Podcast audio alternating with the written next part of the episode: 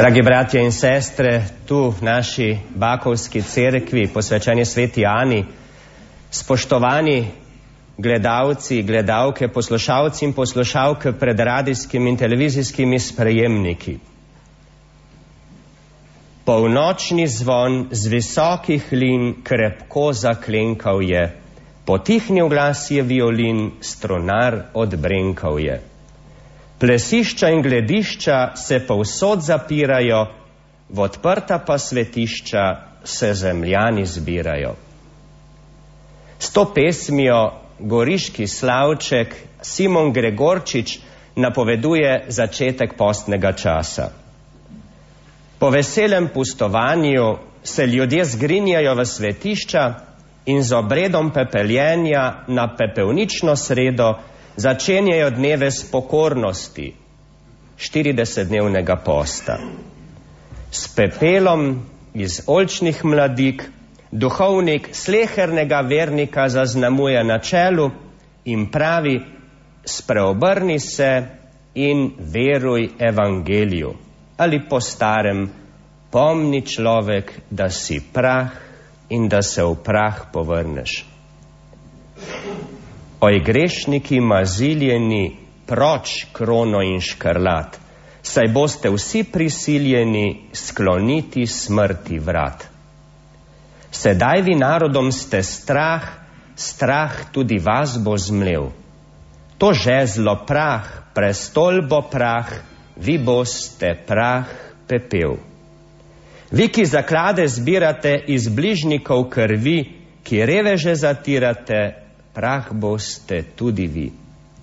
Ti roj, ki noč in dan prežiš, da brata v past bi ujel, ti smrti v zanke se uloviš, prah bodeš in pepel. In ti, ki z umom cvetom let zdaj baha se vesel, glej, preden ti odpade cvet, prah bodeš in pepel. Gotovo nam misel o prahu in pepelu ne ugaja preveč, saj se vsi zelo upravičeno veselimo tudi zemeljskega življenja. Pa vendar so lahko te lepe besede znamenitega pesnika in duhovnika nam vsem spodbudo. Sveda manj kot besede današnjega evangelija, kateremu smo prisluhnili.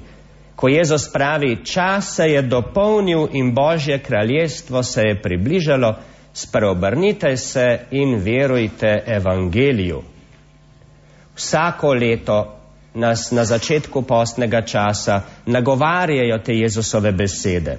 So kot nekakšno vodilo, program, ki je namenjen prav za postni čas.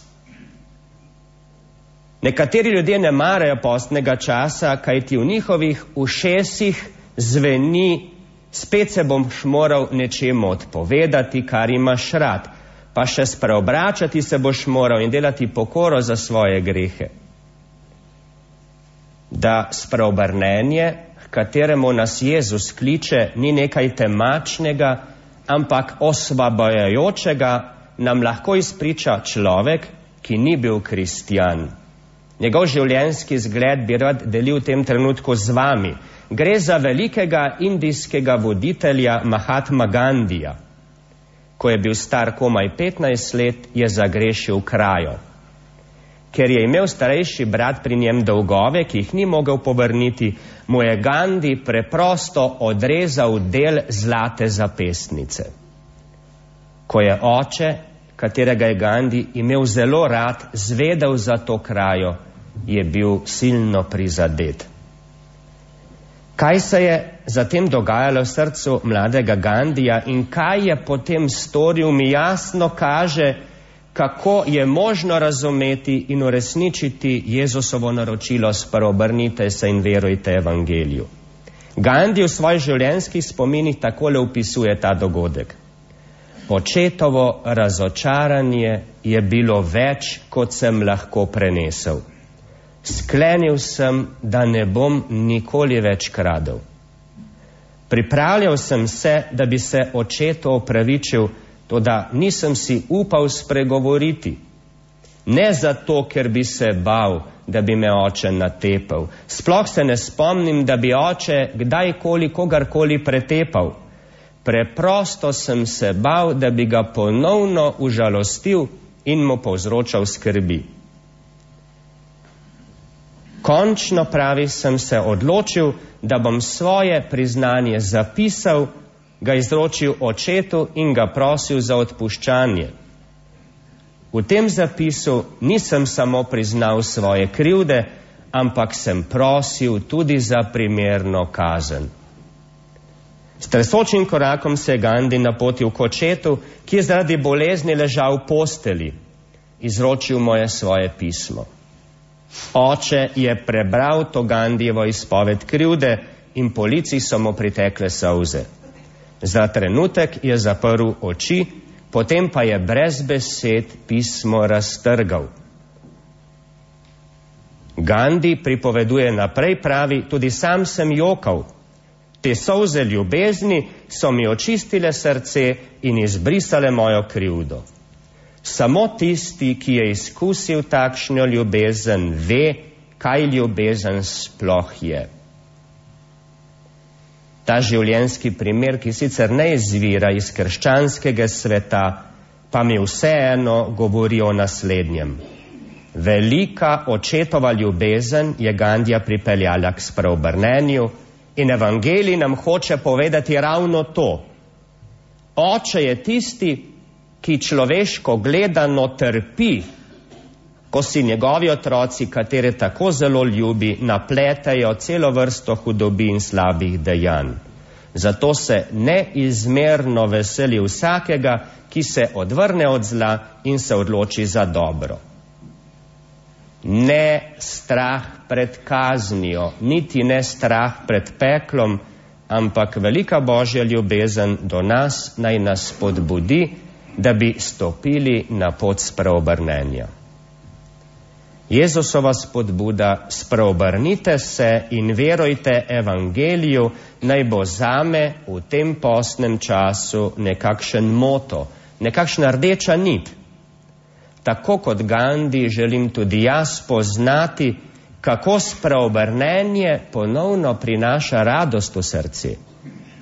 Po iskrenem priznanju in želju po poboljšanju nam dobri Bog z ljubezni odpušča. 40 dni časa imamo, no sedaj še malo manj.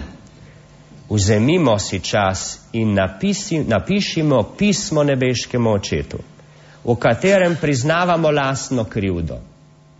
Pa tudi, če ne gre za ne vem kaj velikega, potem ga prosimo odpuščanje. Povabim vas, da vstopimo v spovednico in da to pismo preberemo na glas. In tudi, če Bog da joče zaradi veselja, bo to v tem trenutku prav gotovo storil. Spokorna dela, ki jih bomo sprejeli v tem času, so prostovoljne odpovedi oziroma navdušeno prizadevanje za dobro nas samih in naših bližnjih. Spodbujam pa vas in sebe, da bi sprejeli za svoje tudi pobudo Caritas, Ministrstva za promet in nekaterih drugih organizacij ter se vključili v akcijo 40 dni brez alkohola v znamenje solidarnosti z vsemi, ki trpijo zaradi nasilja v družinah, zaradi nesreč na cestah in zaradi bolezni, ki so posledica alkohola naj nam Jezusov zgled in njegov blagoslov pomagata pri našem srečanju s kušnjavami, da bomo zmogli uresničiti, kar nam Jezus govori. Spreobrnite se in verujte evangeliju.